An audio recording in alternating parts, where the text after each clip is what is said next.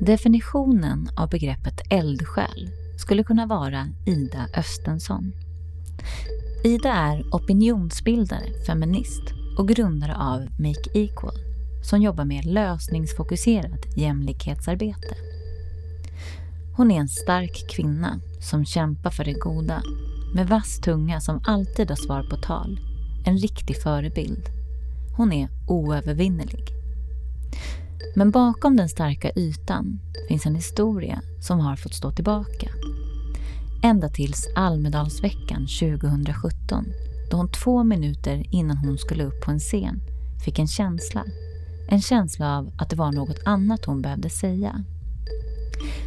Hon berättade om hur det har varit att leva tillsammans med en missbrukare. Hur det har varit att leva i ett medberoende. Hur hon försökt kontrollera varje steg han tagit, gett goda råd, letat efter lösningar på alla hans problem. Hur hon tappat bort sig själv genom att hjälpa andra. Hon berättade om den resa hon gjort. En resa som har kommit påverka allt i hennes liv. När den lever i tron om att allt den gör är rätt och riktigt blir sanningen som att springa in i en betongvägg. Ida kapitulerade över att hennes självbild varit felaktig och fick omvärdera allt. Om man inte ska hjälpa, ska man bara ge upp då? Ida insåg att det handlar om att hjälpa lagom, att lägga energi på rätt saker, inte kontrollera varje steg, utan släppa taget och våga lita på andra. Att våga vara sårbar och mänsklig.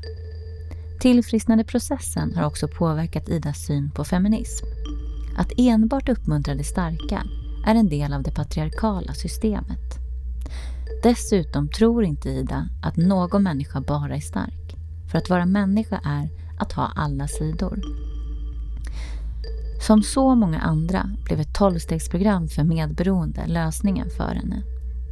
Hon gick dit för att beklaga sig över sin partner men insåg att hon behövde förändra sig själv. Idag hjälper Ida andra genom att ge vidare de gåvor hon har fått. Det är inte ett lyckligt slut utan en spännande resa. Thank you.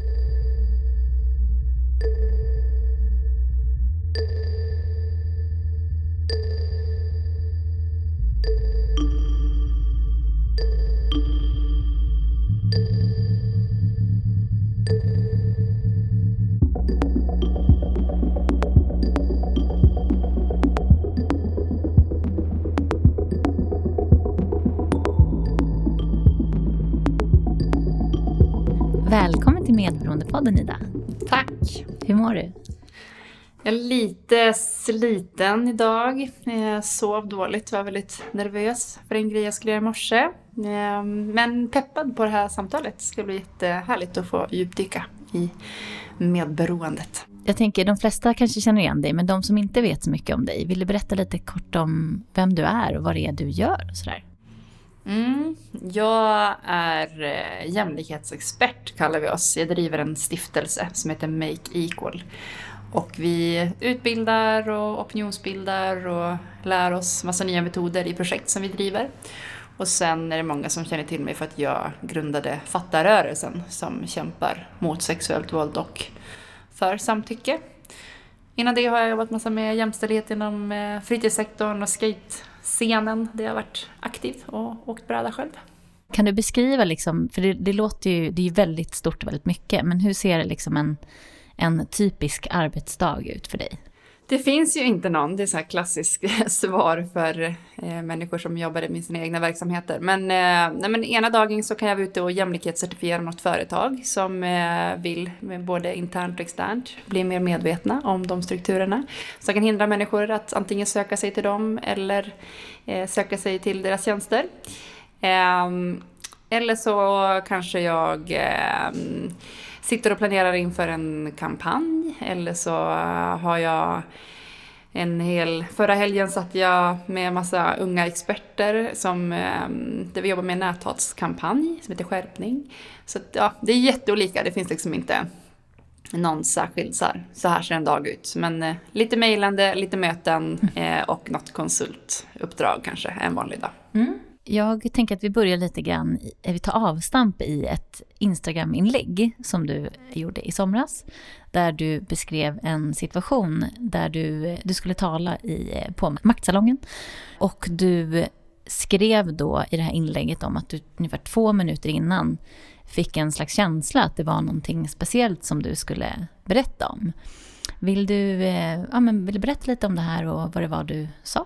Ja, eh, alltså Almedalsveckan är ju, för de som inte vet, Sveriges största politiska mötesplats. Eh, och där är det ju väldigt mycket hisspitchar, mingel, hävda sig själv, sälja in sina tjänster. Eh, ja, men liksom, det är inte så mycket utrymme för mänsklighet och svaghet som jag skulle säga. Eh, så Maktsalongen eh, som eh, jobbar med eh, med jämställdhet inom civilsamhället och få in fler kvinnor på ledande position. De har varje år eh, just ett event som heter Failconf där de bjuder in personer att berätta om sina misslyckanden och liksom vissa människorna bakom allt det här glassiga som vi ser i sociala medierna hela tiden. Och jag tycker att det är ett superbra initiativ och väldigt välbehövligt när man är liksom mätt på att dra sin hisspitch och liksom credda sig själv framför andra hela tiden. Så jag, eh, jag skulle vara med i ett samtal tillsammans med Sofia Brännström som har grundat Maktsalongen och eh, Nisha Besari från Unga Klara. Och jag hade liksom gjort upp lite grejer, lite olika fails som jag hade inom yrkeslivet. Men jag kände också så här, fan är det här liksom värt att stå och prata om? Jag var lite nervös för jag kände inte att det var nog mycket fails. Så jag vill alltid att det ska vara liksom det ska vara hardcore liksom. Och det här kändes som att jag hade lite mellanmjölk-fails.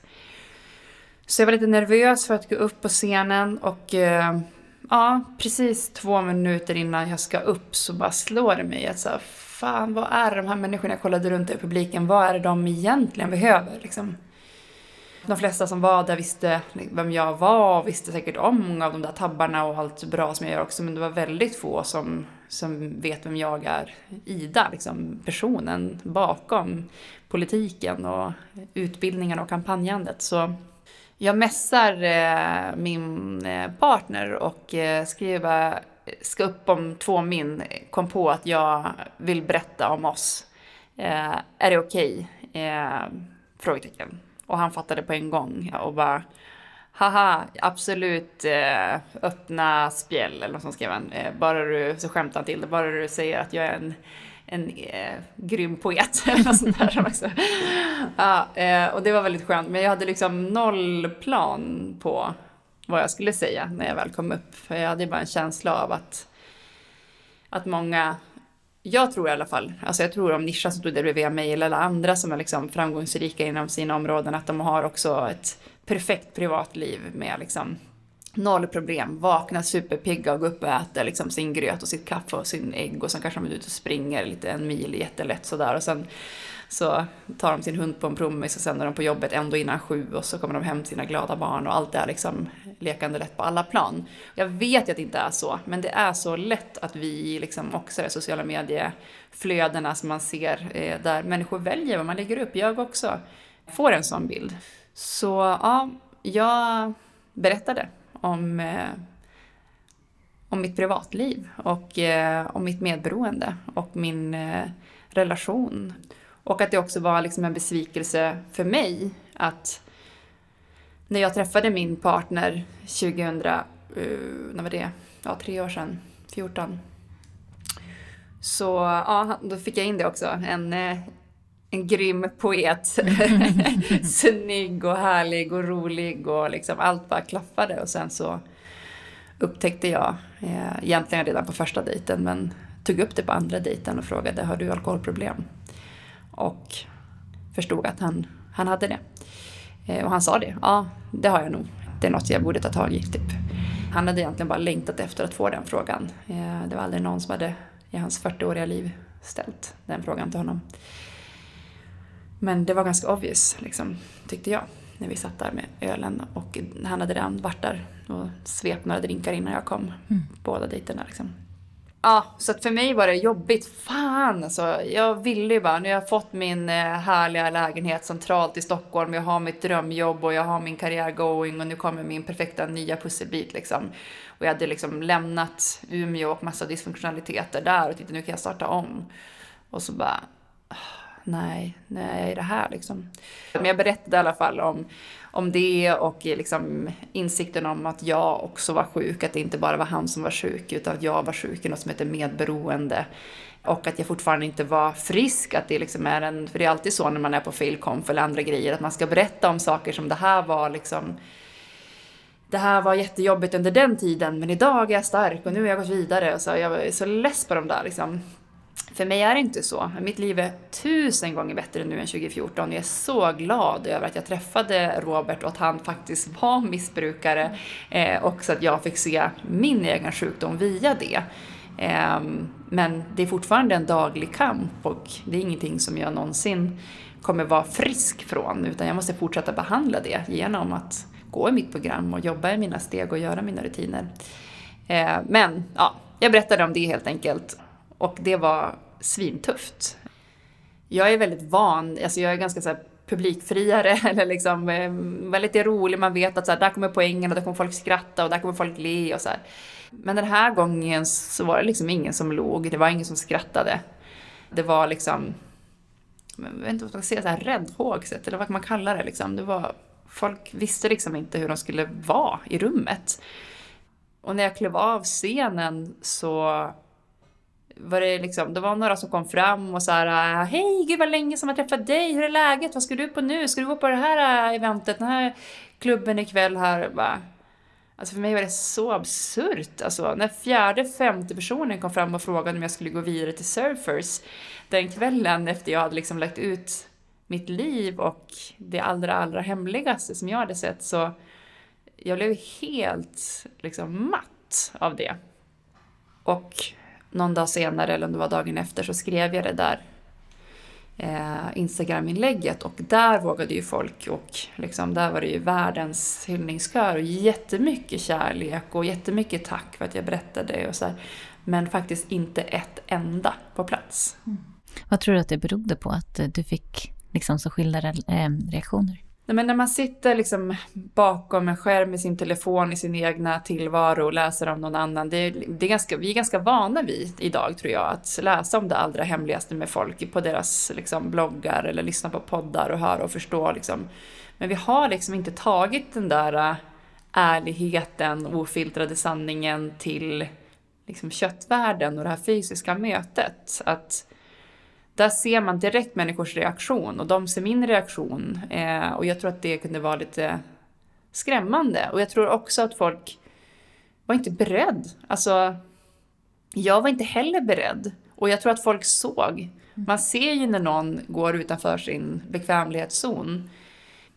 Jag kunde liksom inte le här och där och allt det där som jag brukar göra liksom. Utan, eh, och om man själv inte känner att jag vet inte, jag tror folk blev rädda helt enkelt. Mm. Och jag var rädd. Men varför tror du att du valde att göra det just där? Att det kom liksom två minuter innan den här situationen. Alltså det är ganska... Ja, det är ju ganska stor grej att göra och att du på något sätt gick på den impulsen. Ja, alltså jag har mer tänkt hur fan kunde jag inte komma på det där tidigare? alltså nu i efterhand är det självklart att det var det jag skulle berätta om. Mm.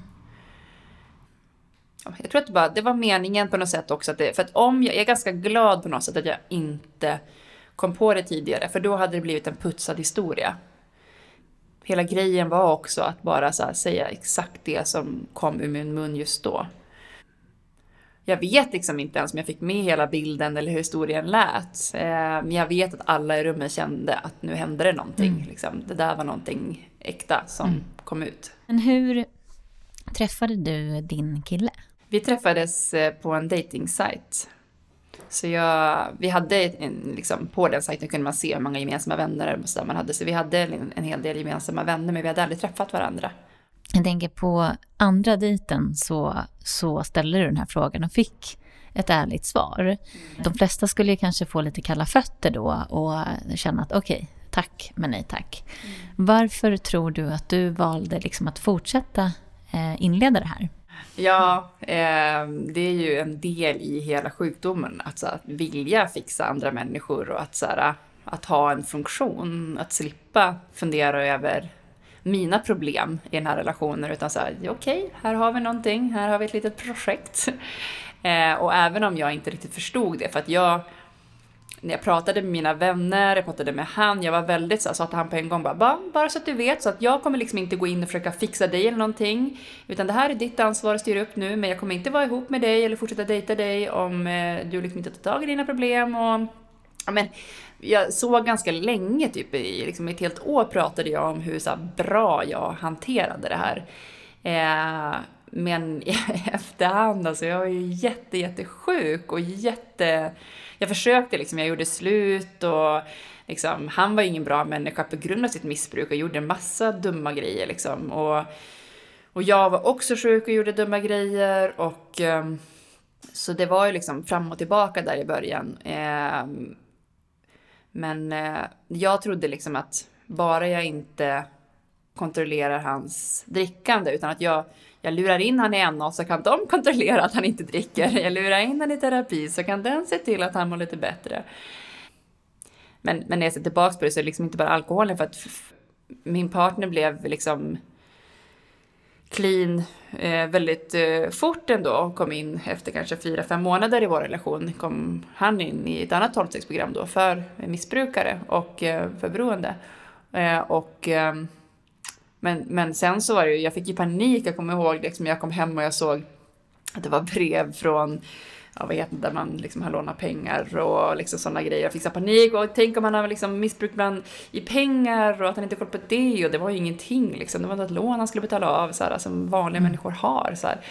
Och, och sen är det ju så att man förflyttar ju liksom vart man, alltså sina besattheter eh, oftast i någon slags övergångsperiod i alla fall, om inte för livet. Och, och där vart jag helt förstörd, började kontrollera hur mycket socker han åt och hur mycket skivor han köpte. Och liksom, så att även om jag inte behövde gå in och kontrollera hans drickande, för att det, det fanns liksom ganska fort så tappade jag liksom den oron, så hittade jag ju helt andra saker eh, att gå igång på. Och som sjuk medberoende så är det det bästa som finns, att ha nya saker att kontrollera.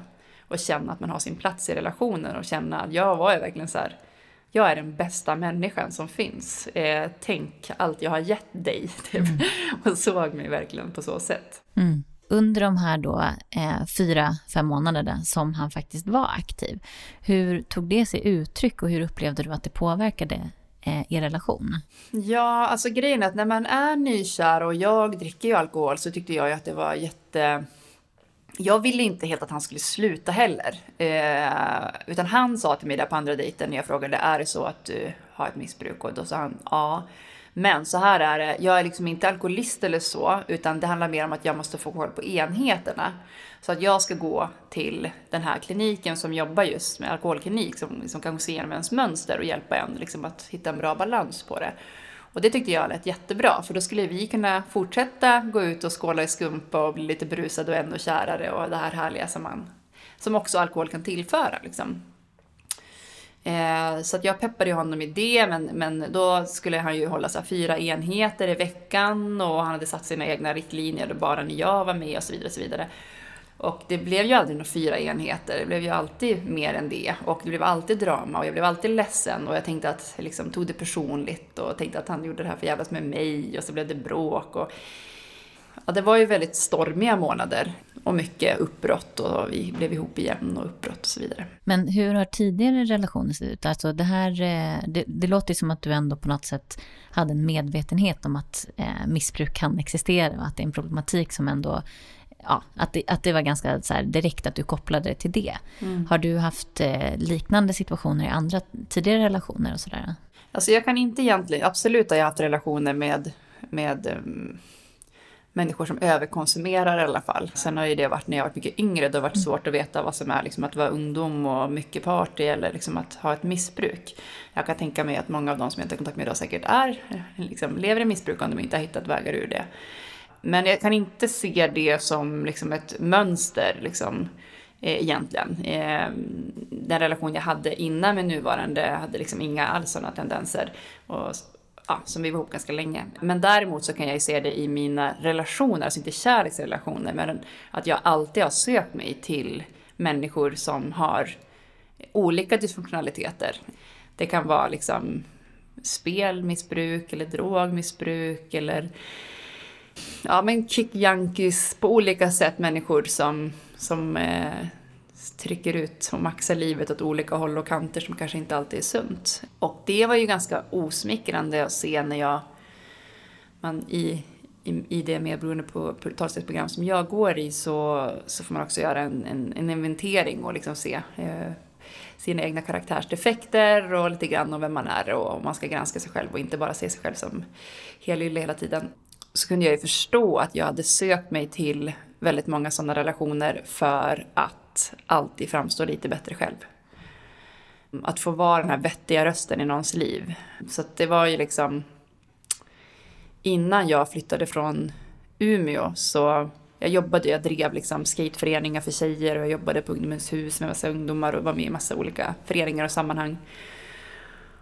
Och hade väl liksom typ öppen jour, 20 pers liksom i veckan min som ringde för olika typer av råd och stöd. Och nu var någon på akutpsyk där och nu liksom hade någon tagit återfall där eller liksom att jag vet att jag låg bredvid min kusin som jag bodde med eh, då. Och så, så bröt jag ihop efter ett samtal och så bara, jag orkar inget mer, varför ska jag liksom vara, vara till för allt och alla andra och jag vill bara vila och jag orkar inte det här mer. Och, och han bara kollade på mig och bara, men vet du Ida, du har faktiskt inte frågat mig på jag vet inte hur många månader ens hur jag mår. Då fick jag sån jävla panik för min självbild var ju att jag är ju den som verkligen ser varenda jävel. Ja, det var ett wake-up call. Att så här, jag var bara ute liksom, bland ytterkanten i bekantskapskretsen varenda människa som kanske behövde fixas, det var liksom, jag var the one and only. Tänk om inte jag fanns, då skulle inte den leva liksom. Mm. Så att jag inte ens hade tid. Jag, jag gjorde det mycket för att fly mig själv har jag förstått, men det som hände var att jag även flydde liksom, mina bästa vänner och min dåvarande partner. Att jag inte alls hade tid ens att se dem. Och det, ja, då, då flyttade jag till Göteborg och, och ehm, då vet jag att jag sa, jag hade inte alls koll på att det här var ett medberoende eller varför. Jag, vet, jag kände bara att det här var inte ett bra sätt att leva, jag kände mig otillräcklig och sådär. Men jag sa också att jag ska inte skaffa en enda ny kompis i Göteborg förutom de jag känner. Jag ska liksom smalna av, jag ska inte gå in i ett enda ideellt engagemang. Jag liksom måste hushålla med resurserna och energin och eh, fundera lite mer över vad jag håller på med. Eh, och det höll jag ändå ganska bra där. Men ja, det var inte förrän jag flyttade till Stockholm ett år eller några år senare som jag förstod mm. vad det handlade om. Ja, när jag träffade Robban helt enkelt. När eh, kom du i kontakt med begreppet medberoende? Det var nog inte förrän det där programmet med eh, eh, Sanna och Ann, vad hette det? Djävulsdansen. Djävulsdansen, ja exakt. Och jag hade precis börjat träffa Alltså nu ska jag se om det, om det här stämmer. om det gick en höst, 2014, var då den gick? Jag tror det. Ja, för det var ju, jag träffade ju eh, min partner sommaren, maj där. Så under våra uppbrott fram och tillbaka medan han försökte liksom hitta till programmet innan han hamnade där, när han hade sina återfall fram och tillbaka. Så det var ju då som jag såg Djävulsdansen, så jag åt ju bara det verkligen. Och sa, gud, är det det här? Mm. Men det var inte förrän ja, under våren sen som jag hittade till programmet. Vad var det du liksom kände när du kom in? För jag tänker dels det här då att du, du kände igen dig i det som du såg i Djävulsdansen och sådär. Eh, framförallt liksom när du kommer in i de här rummen då i tolvstegsprogram som du pratar om. Eh, där du hör mer om det här medberoendet och du har tittat på den här tv-serien. Vad var det som du kände var du i det här medberoendebegreppet? Ja men framför allt det här att gå in helt i andra människor och liksom inte sluta kontrollera och att inte fokusera på sig själv. Alltså någonstans har man ju hört sådana mantran att man måste liksom börja med sig själv och få flygplanen, så att ha masken till dig själv innan du kan rädda andra. vi har ju ändå ett sånt mantra i samhället och jag har alltid tyckt att det har varit svårt. Alltså jag brukar säga så här, mm, jag kan liksom hjälpa alla med allt. Typ så här, om någon, eh, jag, har, jag har ju brutit varenda jävla ben i kroppen från min skateboardtid. Eh, och jag har inte skickat in ett enda papper till liksom, Försäkringskassan för någonting. Jag har blivit liksom att rehabba, att lägga tid på mig själv för det, absolut inte. Att bara så här, prioritera mig själv. Men däremot skulle jag kunna sitta en hel helg med någon annan som behöver skicka in papper till Försäkringskassan och hjälpa dem med det. Eh, så jag förstod ju att jag hade jävligt svårt att fokusera på mig själv och ja, jag kände igen mig mycket i det men helt plötsligt så förstod, såg jag det i något annat. Jag tror inte jag riktigt förstod av djävulsdansen att det var en sjukdom. De sa säkert det hundra gånger men jag var inte mån att ta in det i alla fall. Utan mer bara så här, okej okay, man får passa sig hur man är när man lever med någon, en som missbrukare och det gör ju jag nu så jag behöver passa mig lite grann. Mm. Men jag trodde fortfarande liksom eh, säkert två månader in i programmet när jag hade liksom börjat och suttit på möte efter möte efter möte. Att jag var där för att än en gång i rundan berätta om min partner mm. och hans nya missbruk. Liksom. Eh, och snacka skit eh, om de vi har runt oss som eh, lever i missbruk. Men och jag kommer ihåg när jag förstod att gud, helt plötsligt började jag lyssna på alla andra för jag var så extremt självcentrerad och var alla som delade tänkte bara på vad ska jag dela, vad ska jag dela? Mm. uh, och när jag plötsligt började höra så här, ja den ser jag, den är sjuk, den pratar om sig själv, så här, ingen jävel förutom jag pratar om någon annan i det här rummet. Så här, mm. Gosh. Um, Sen är det ju så fint att du och jag träffades ju just i, i de här rummen också, tolvstegsgemenskapen. Men under den här resan då, när du kom in i de här rummen till att du då började jobba med ditt tillfrisknande. Jag har ju fått för, liksom, följa den här resan i och med att jag har varit din sponsor under den här tiden också. Men vad var det du upplevde, liksom, vad hände med dig? Vad var det för insikter som, som kom genom det här arbetet? Nej, men steg ett är ju den som jag pratade om innan. Det är så här, ha, okej, okay, så jag är sjuk. Alltså allt det här som jag har tänkt har varit att jag är så himla snäll och hjälper allt och alla andra och ilskan över att de inte följer mina goda råd. Så här, va? Kanske mina råd inte alltid har varit bra? Vet jag alltså inte att eh, vad alla behöver? Kan det vara så? Jag kommer ihåg min första kommentar som jag gjorde i en av den litteraturen som vi har. Då skrev jag på baksidan, jag är inte Gud. det låter ju helt sjukt. Alltså jag hade ju aldrig sett mig själv som Gud. Men, men du beskrev så bra i den här boken om så här, hur man lever som att man är Gud. Hur man tror att man ska kunna hjälpa allt och alla andra. Och att man liksom vet bäst vad andra behöver och så vidare. Det är ju att leka Gud. Liksom.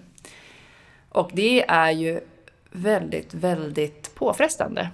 Man blir väldigt trött av det.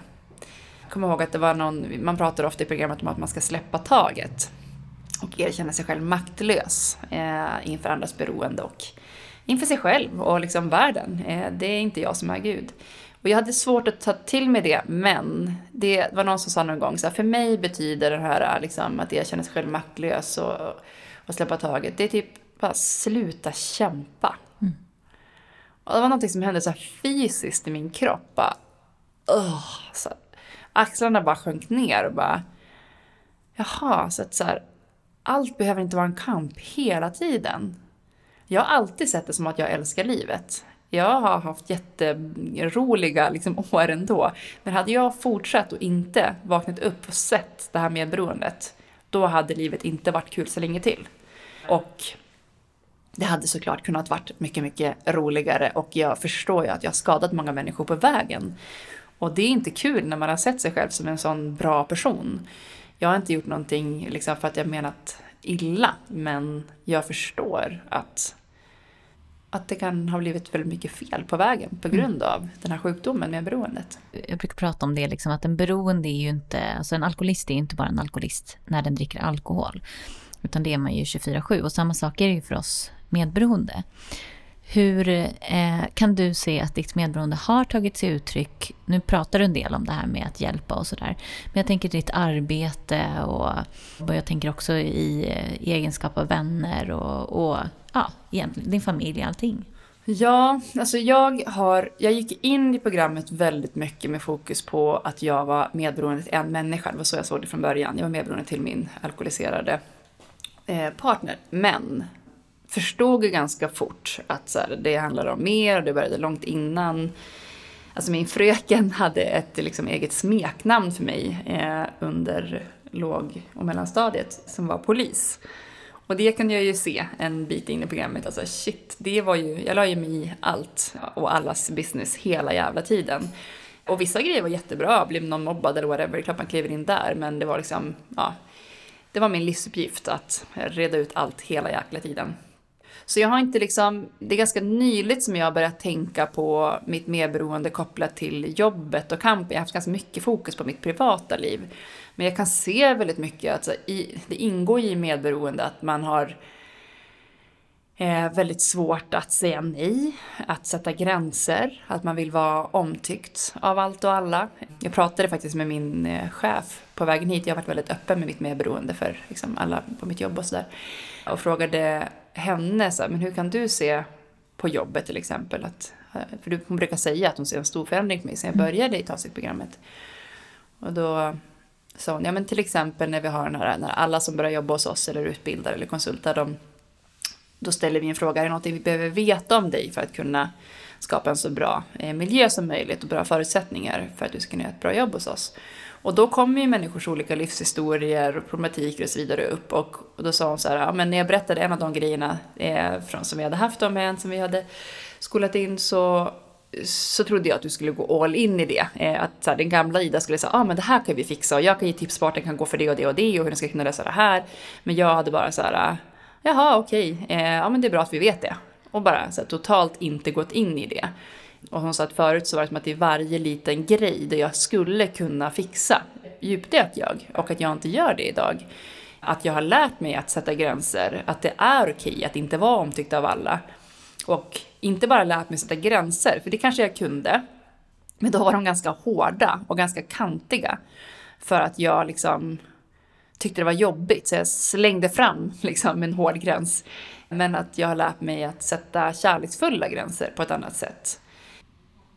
Ja, att förstå även i liksom, att bli mer sympatisk i min kamp. Alltså, tidigare när man tror att man är Gud så kan det vara på alla sätt att jag har alltid rätt. Och det tänker jag också i ett debattklimat, att det handlar om att så här, knäcka andra människor. Att så här, fast jag har rätt och så kör jag på min linje. Att det mer blir mer så här, mm, men undrar om den kanske har någon poäng i det här och liksom backa bak mer. Och jag tror att jag har gjort en ganska stor resa arbetsmässigt, eh, de, eller yrkesmässigt de tre senaste åren i att jag inte är lika fyrkantig och hård, inte så dömande, inte så svartvit, utan att jag vågar liksom ransaka mig själv och mina motiv och kan se att okej, okay, men det jag vill gå tillbaka nu i den här debatten, det handlar om rädsla. Det handlar egentligen inte om frågan, så då borde jag inte gå tillbaka, då borde jag backa. Det är okej okay att den får slutordet och så vidare. Så att, ja, på många olika plan tror jag att det även märks mm. yrkesmässigt. Ja, för jag tänker det är viktigt också att säga att det är lätt när man kommer in i de här rummen att man börjar prata om att ja, men vi är starka och vi hjälper, vi är liksom Moder Teresa och vi eh, förstår, kan sätta oss in i andra situationer. Vi är bra på att känna in människor, få folk att må bra.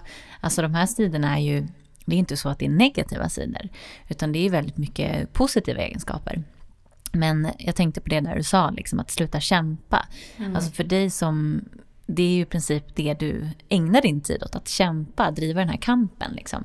Vad gjorde det med dig att höra de, eh, de orden liksom, på det sättet? Jag blev ju också rädd, för då tänkte jag så här, jaha, men det blir, när man inte riktigt har förstått, då kan man säga, ska jag lägga ner mitt jobb? Ska jag sluta engagera mig för jämställdhet och jämlikhet? Det är också sjukt. och en kompis med i programmet sa, men allt är inte sjukt. Alltså det är ju verkligen allting som kan vara min svaghet, kan också vara min styrka, beroende på hur jag använder mig av det. Så att, att vilja förändra världen till det bättre, eh, det behöver inte jag sluta med bara för att jag ska sluta kontrollera varje steg som personer i min omgivning tar. Det är två olika saker. Mm. Eh, men jag måste vara på min vakt för att jag vet att jag har lättare att grotta in i varje litet problem eller drama eller människors liksom, liv. Och jag har också liksom en negativ aspekt på det är nog att jag inte lika, jag har varit en väldigt, väldigt öppen människa med ganska lite integritet. Varje människa som jag har träffat har jag typ såhär, tja okej men kom hem absolut, du kan bo hos mig en månad om du vill och liksom, men jag hjälper dig och jag är absolut din nya bästa som du vill det. Grymt, vill du vara ihop? Ja, absolut. Nej, men att jag liksom hade väldigt lite gränser och släppte in allt och alla alldeles för fort. Ehm, och jag tror att jag behövt under en period dra mig tillbaks jätte, jättemycket. Och ehm, det har nog under de senaste tre åren varit ganska svårt att lära känna mig.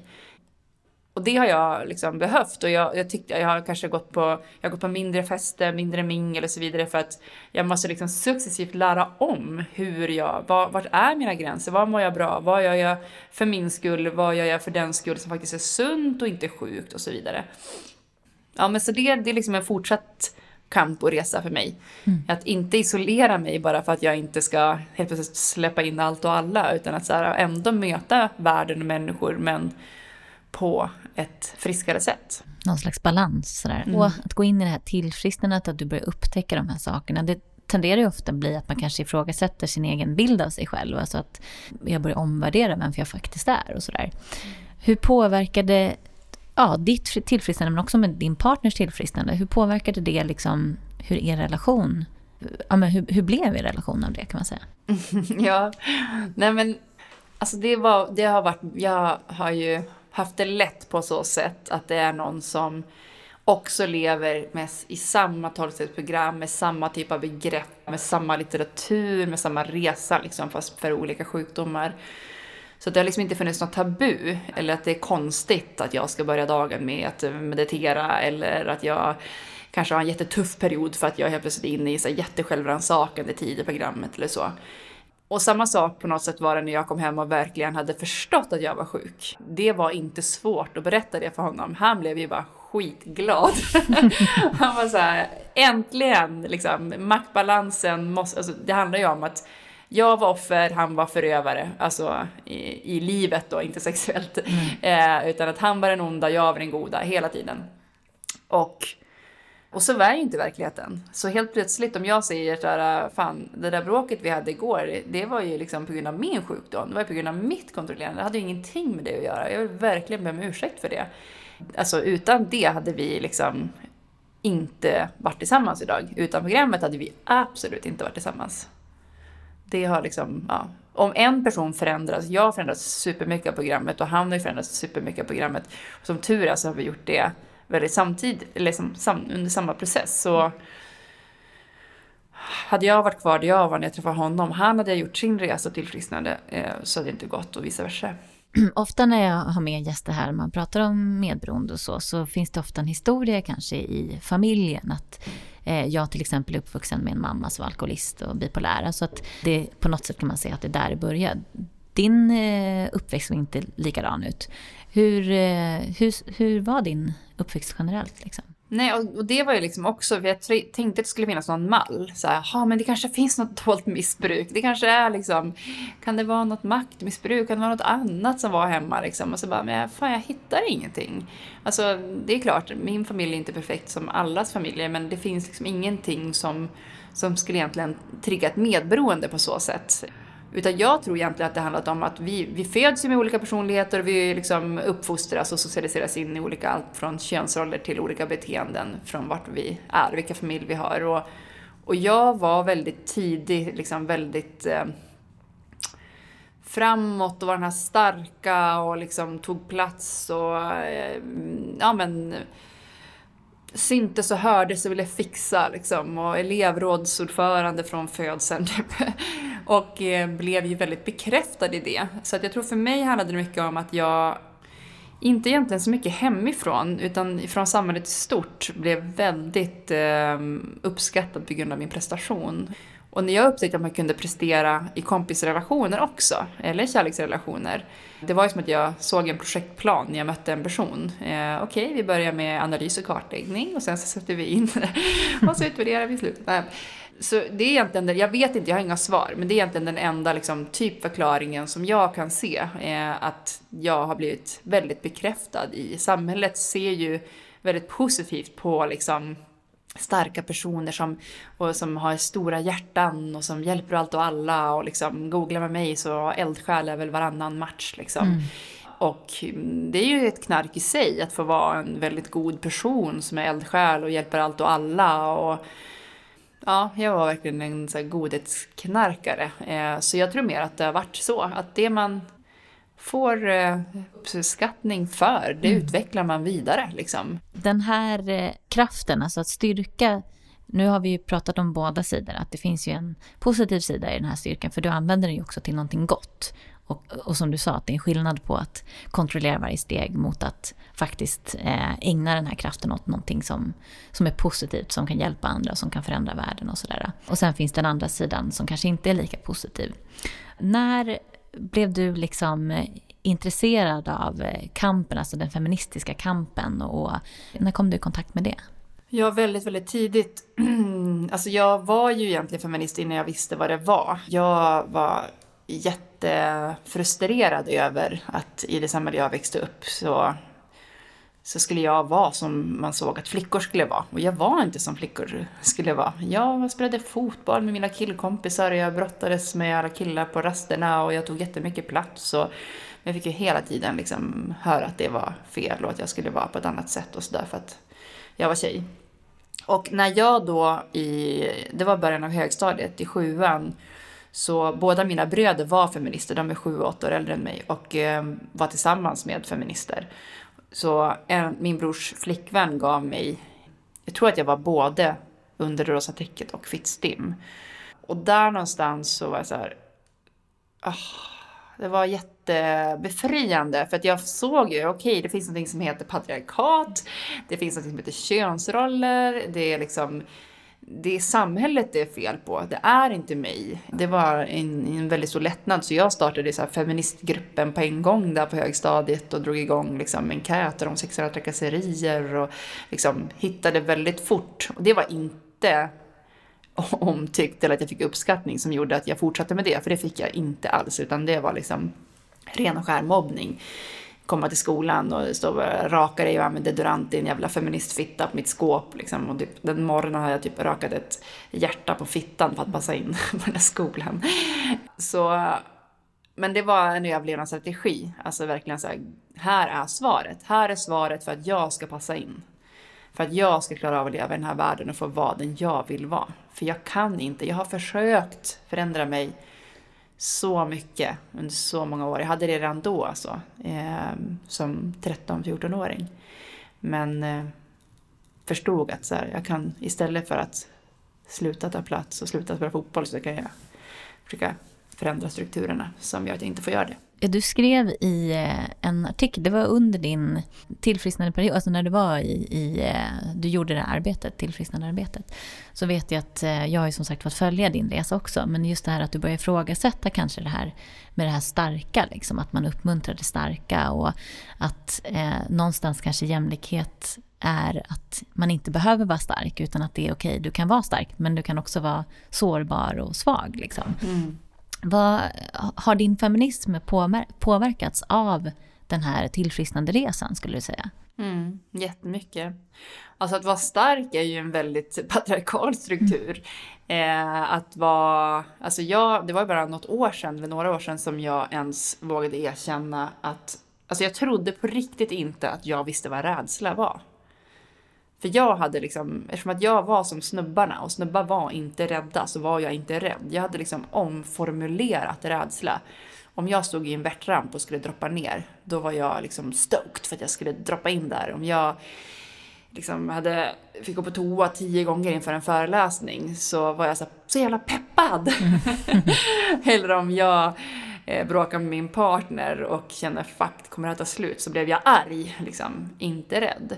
Men alla de här situationerna var jag ju egentligen rädd. Eh, och det har liksom inte funnits utrymme för det när jag har varit en stark tjej, utan det är verkligen, blir man uppburen som förebild och eh, hela tiden blir omskriven och berättad som, om, som den starka tjejen, den starka kvinnan som tar plats och hjälper andra att ta plats. Så ja, jag levde ganska länge eh, liksom i det. Och drev ganska mycket en sån feministisk kamp också. Också, ja, någonstans liksom ganska precis där i mitt eh, medberoende liksom uppvaknande så så började jag liksom först rikta fokus mot männen då. Att säga, jaha, fast ni då? liksom, mår inte ni lite dåligt? Och kanske är någonting i, liksom, i machokulturen som behöver jobba med och så. Och efter ett tag så, ja fast om männen ska börja jobba med att så här, sina, det är inte bara, patriarkatet har inte bara drabbat män. Jag är jättepatriarkal, jag upprätthåller skitmånga strukturer. Jag är väldigt snubbig utifrån dem liksom, patriarkala måtten.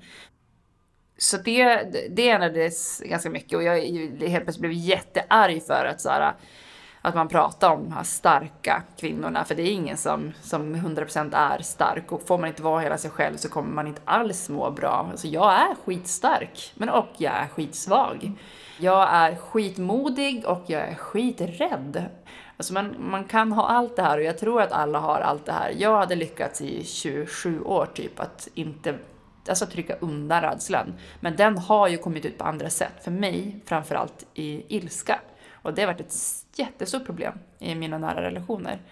Jag har varit jättekrävande och jättearg och använt liksom ilska som uttryck när jag egentligen varit rädd. Eh, och eh, för mig var det ett, ett wake-up call att få liksom, möta rädslan och är fortfarande. Alltså, jag har fortfarande svårt att i stunden se rädsla, att se att det är rädsla det bygger på. Eh, jag kan se det i efterhand och be om ursäkt mitt beteende. Ordet sårbarhet, vad, vad är det för dig? Ja, att vara hela sig och ta konsekvenserna av det. Att inte bygga upp massa masker och massa skydd liksom. Och för mig innebär det någonting jätteläskigt. Jag har verkligen sett mig själv som en så här jätteärlig människa. Alltså, faktiskt när jag frågade min chef nu på vägen hit som jag berättade om innan om det här så sa hon även så här Ja, så på ett sätt så är du supertransparent och jätteöppen. Du kan liksom berätta om hur det gick på toan för alla praktikanter och all personal. Eh, och liksom öppna upp det och saker som andra absolut inte skulle prata om. Men jag har aldrig hört dig eh, prata om just att när du har varit sårbar eller rädd i stunden. Du har kunnat berätta om det i efterhand. Att så här, det där tyckte jag var jättejobbigt och jag var inte alls bekväm och alltså allting som ingår i att vara sårbar liksom. Och det gjorde mig lite ledsen för det här var ju idag. Liksom. Och så här, Gud, har hon som jag jobbar liksom så nära inte hört mig säga? Jag tänker att jag har gjort en resa men att den liksom, det är etapper liksom. Jag åtminstone vågar erkänna att jag har rädsla som jag trycker undan och att jag kan se och erkänna den i efterhand.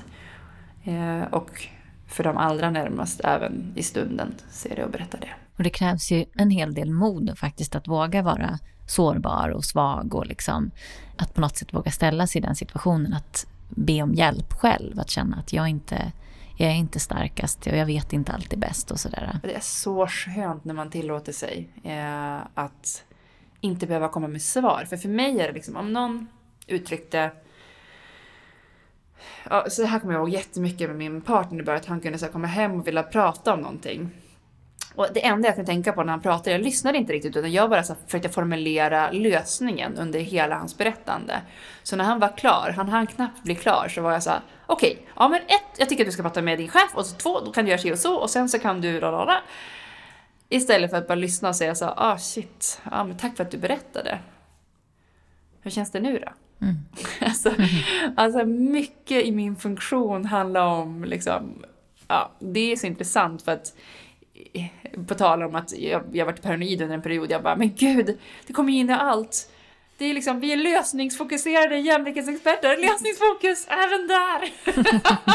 och något någon säger om mig alltid så här, som är så lösningsfokuserad. Mm. Och jag säger det är sjukt, allt är sjukt. Jag måste sluta, jag ska bara automatisera. Eh, och det är där man förstår att så här, nej, det kan vara jättebra att när jag sitter på ett företag och de har problem, att jag kan komma med lösningar på deras problem, även om jag inte behöver lösa alla nära mig problem efter en sekund när de har berättat sin story. Så Ja, men det är roligt med de där liksom, wake-up callsen. Jag har aldrig varit med om så mycket aha-upplevelser och insikter som de här två åren. Och då är jag ändå en ganska så här, sökande människa som har åkt på så här meditationsretreats och allt möjligt i mina dagar, liksom, där man verkligen ska gå inåt. Men det här har varit något helt annat, alltså. Verkligen fått fejsa så mycket av mig själv som jag nämnde tidigare så är du ju verkligen en förebild för väldigt många och det är väldigt många som ser upp till dig och sådär. Så jag tänker det här steget att, eh, att du stod där två minuter innan och faktiskt valde att berätta om någonting som är väldigt sårbart. Att du valde att ställa dig där och, och eh, bli väldigt sårbar i den situationen också. Är det någonting som är viktigt för dig nu i, i ditt eh, tillfrisknande och i ditt arbete och i det du gör? Liksom att, att bjuda in till den delen också? Alltså det var ju inte planerat att jag skulle säga det där på Almedalen. Det var ju bara liksom, det var det sista jag gjorde innan semester. Sen efter semestern och jag bara jobbat någon vecka så Jag har liksom inte hunnit fundera särskilt mycket över det. Jag har ju som sagt tänkt att jag har varit väldigt transparent och att jag liksom bjuder på mig själv och berättar om jobbiga saker och så här liksom. Men det har ju varit utifrån den förståelsen som jag har haft också om mig själv. Jag har inte helt tillåtit mig själv heller att se vissa sidor eller vara så jag tänker att jag, jag har alltid sett mig själv som att jag har varit mig själv. Mm. Det har jag nog också, utifrån den förförståelsen som jag har haft av mig själv. Men nu är ju jag någon annan. Alltså jag är, också, jag är samma med någon annan. Mm. Eh, så att om jag ska fortsätta vara mig själv så, så tror jag absolut att det kommer vara att se många fler sidor av mig själv. Sen ser det så himla olika ut för olika människor. Alltså jag känner inte att jag vill liksom lägga ut eh, Facebook-uppdateringar att så här, just nu går jag och eh, min vän genom den här krisen och jag känner så här och hon sa så här, hur tycker ni? Alltså jag är inte, det hjälper inte mig. Eh, jag tänker att vi alla har liksom olika sätt att, att hantera men alla mina nära vänner vet allt. Om osäkerheter, om liksom tankar, om eh, glädje och ångest om alla delar. Eh, och att jag gör liksom, att jag sa det där, eh, att jag höll det där talet på Maktsalongens filkonf, att jag är med i den här podden, att jag Ja men intervjuer som jag gör, det kommer ju upp. Alltså folk pratar om vad jag gör. Så, ah, jag lägger jättemycket tid på det här arbetet med ett hållsättprogram. Alltså jag berättar ju om sånt i intervjuer nu, men det är jävligt intressant att de tar aldrig med det. Mm. Eh, det är som att media vill ha en så särskild bild av mig. Eh, jag gjorde en jättedjupdykande intervju nu för någon, någon vecka sedan bara. Och vi satt liksom i timmar och jag berättade och berättade och berättade och, eh, blev, jag hade sån jävla ångest innan. Eh, nej, efter för att jag hade liksom bara, gud, vad sa jag nu liksom? Jag bara, ”sa jag ångade allt. Det var typ första dagen efter semestern så jag var liksom inte alls i work mode utan jag hade liksom inga filter. Jag bara, pff. Och sen så kom artikeln. Det var en jättefin artikel. Allt var borttaget om de här bitarna. Mm. Så att, ja, jag tror att det någonstans tar också ett tag om man blir ju någon typ av person. Så här, okej, okay, först var hon det, hon jobbade inom skrivkulturen och var ungdomsombud och sen startade hon mm. den här stiftelsen och sen började jobba med sexuellt våld och nu jobbar hon mot näthat och mm. idag står hon här och ja, det, det finns liksom en så här kronologi om hur man ska berätta om mig och helt plötsligt så börjar jag babbla om det här. Det får inte riktigt folk in i hur fan man ska få den texten att lira tror jag. Men samtidigt såg man ju också ja, men effekten som, som det gjorde när du, eh, när du la upp det här Instagram-inlägget som du sa att då fick du lite mer respons. Just hur många som, men som reagerar på att så här, oj tack och som känner igen sig och att det är ju ett, alltså att sitta i den positionen som du, som du ändå har där du kan synas och höras så är det en fantastisk egenskap att du kan dela med dig av sånt här som faktiskt kan inspirera andra att ta hjälp och, och se att de inte är ensamma. Liksom. Ja, för mig är det en balansgång att jag inte nu helt plötsligt ska lägga ut varje dag så här. Och sen så har jag lärt mig det här idag och så hamnar jag i medberoende igen. Alltså nu ska jag vara Messias som ska sprida det här till allt och alla andra. Så att jag har verkligen behövt göra det här som en egogrej. Att bara gå in i mig själv och liksom lägga mycket tid på det här och inte försöka dra med mig. Från början var det så att varenda kom, alltså jag såg att alla var medberoende, alla var sjuka i det här. Kom på möte, var möte, möte. Så efter ett tag så var jag så här, gud nej, nej, nej, det här är min grej. Jag måste foka på det här liksom och gå igenom det innan jag bjuder in allt och alla andra. Mm. Och sen önskar jag ju att alla som som lider av sjukdomen ska kunna få den hjälpen som jag har fått. Men jag är väldigt glad över att jag har liksom inte luftat det för världen under hela processen. Utan jag har behövt den här tiden för mig, för mig själv i det. Eh, men absolut, jag känner mig, mig redo att så här, när jag känner att det är befogat att mm. prata om även den här delen. Och du är ju eh, generellt, alltså du har ju sett dig själv väldigt mycket som en svartvit person sådär att det är all or nothing och det känns som att din resa när man eh, när jag gått bredvid dig sådär så, så ser man ju liksom väldigt mycket att ja, men att du börjar få en balans. Alltså att det känns som att det inte allt behöver vara det ena eller andra. Utan att du på något sätt kan vara allt och inget men i någon slags lagom kompott. Mm. Så. Och det är, jätte, det är jättefint verkligen. Det, det, när folk frågar mig hur det är jag bara, det är jättebra. Jag är helt lugn, det är det enda jag vill säga. Nej, men man får ju också ett annat liv. Alltså jag är ju inte, liksom, jag har haft massa flyttbeteenden och jag behöver inte alls fly på samma sätt när jag kan och vill vara och hitta mig, mig, mig. Liksom. Eh, så, ja, nej det är verkligen något positivt. Jag mår så jäkla mycket bättre och jag känner inte att jag måste liksom överprestera på samma sätt. Um, att ha förstått att jag är medberoende och jobba med det har ju gett mig ett helt annat liv där jag liksom har, tar mig tid till saker som jag vill göra själv, till om det nu är träna eller sova rimligt många timmar eller inte umgås med folk eller umgås med folk eller vad det nu än är. Alltså, det, jag har fått ett helt annat liv eh, som jag är väldigt, väldigt glad över. Och du sa ju tidigare i början där att, att det här är ett arbete som du ser som är livslångt, att det inte är så att nu är du frisk och så är allt bra. Vad gör du idag för att, för att eh, behålla ditt tillfrisknande? Ja, jag, eh, när man har gått igenom, liksom, i programmet så finns det 12 steg som man går igenom och eh, sen efter det så fortsätter man gå på möten och göra sina rutiner. Det kan vara att meditera, att be, att göra olika inventeringar. Eh, eh, men framför allt det jag ligger tid på nu är att, att vara sponsor åt andra som går i programmet och då är det som att jag gör stegen igen. Alltså när andra går igenom sina inventeringar och man läser ur böckerna och liksom jobbar i stegen eh, så går jag igenom den processen. Och att jag hela tiden dagligen inventerar. Alltså om jag liksom går in i sjukdomen och bråkar som jag gör liksom minst ja, flera gånger i veckan. Liksom. Det här är något som jag absolut inte, som att jag inte faller tillbaks. Ja men backa och be om ursäkt för det. Alltså att hela tiden våga se att så här, shit det här var liksom, det här var kontrollsjukdomen igen som kom mm. in. Så här, sorry. Eh, att kunna göra det direkt i stunden. Alltså att, att ringa ut till människor och få stöd när jag känner att jag liksom inte mår bra och har gått in i sjukdomen igen och sådär. Så på massor, det är det som är så bra, man får väldigt mycket verktyg för att, att inte hamna. Eh, även om man hamnar ner igen på botten liksom, eh, så kan man ta sig upp väldigt, väldigt fort. Innan så låg man där och kravlade och tyckte det var rätt gött att få sunka ner sig lite, men det gör jag inte längre. Och som sagt, det är ju många som, som, eh, ja, men som kanske följt din resa som faktiskt börjar se andra sidor nu och så till de som lyssnar och som känner igen sig i det du berättar och så. Vad har du för goda råd? Vad gör man? Sluta ge goda råd. mitt goda råd. Mm. Ja, nej men alltså det är typ kanske mitt största ändå. Alltså det är väldigt skönt att känna att så här, man behöver inte vara den som, som har svar. Så det, jag tror jag, för nu ska jag hålla mig till det och inte ge massa goda råd själv. Sluta ge goda råd är mitt goda råd.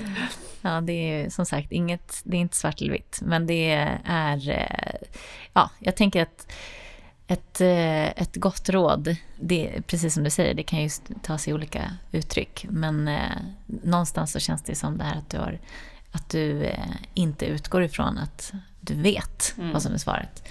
Ja, när jag säger sluta ge goda råd så är det med liksom hela bakgrunden av hela det här poddavsnittet. Mm. Så att uh, ha en förståelse för att man inte är Gud och att man inte är ansvarig för alla andras liv och välmående. Och mm. mår de dåligt så är det inte ditt fel. Eller liksom, vi kan aldrig, vi kan aldrig få någon annan att må bra. Vi kan aldrig få någon annan att sluta knarka eller dricka eller börja äta eller eh, sluta spela eller eh, sluta jobba eller vad de nu har för olika typer av missbruk.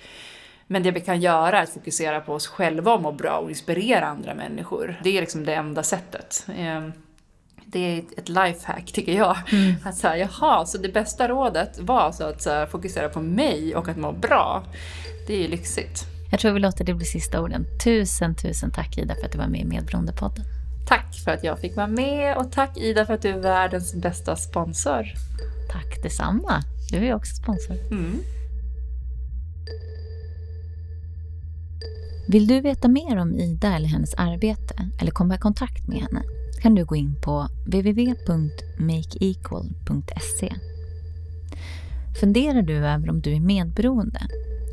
På vår hemsida finns tydlig information om vad det innebär att vara medberoende och en lista på var du kan vända dig för att få hjälp.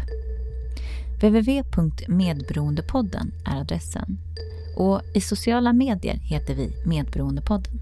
Följ oss där.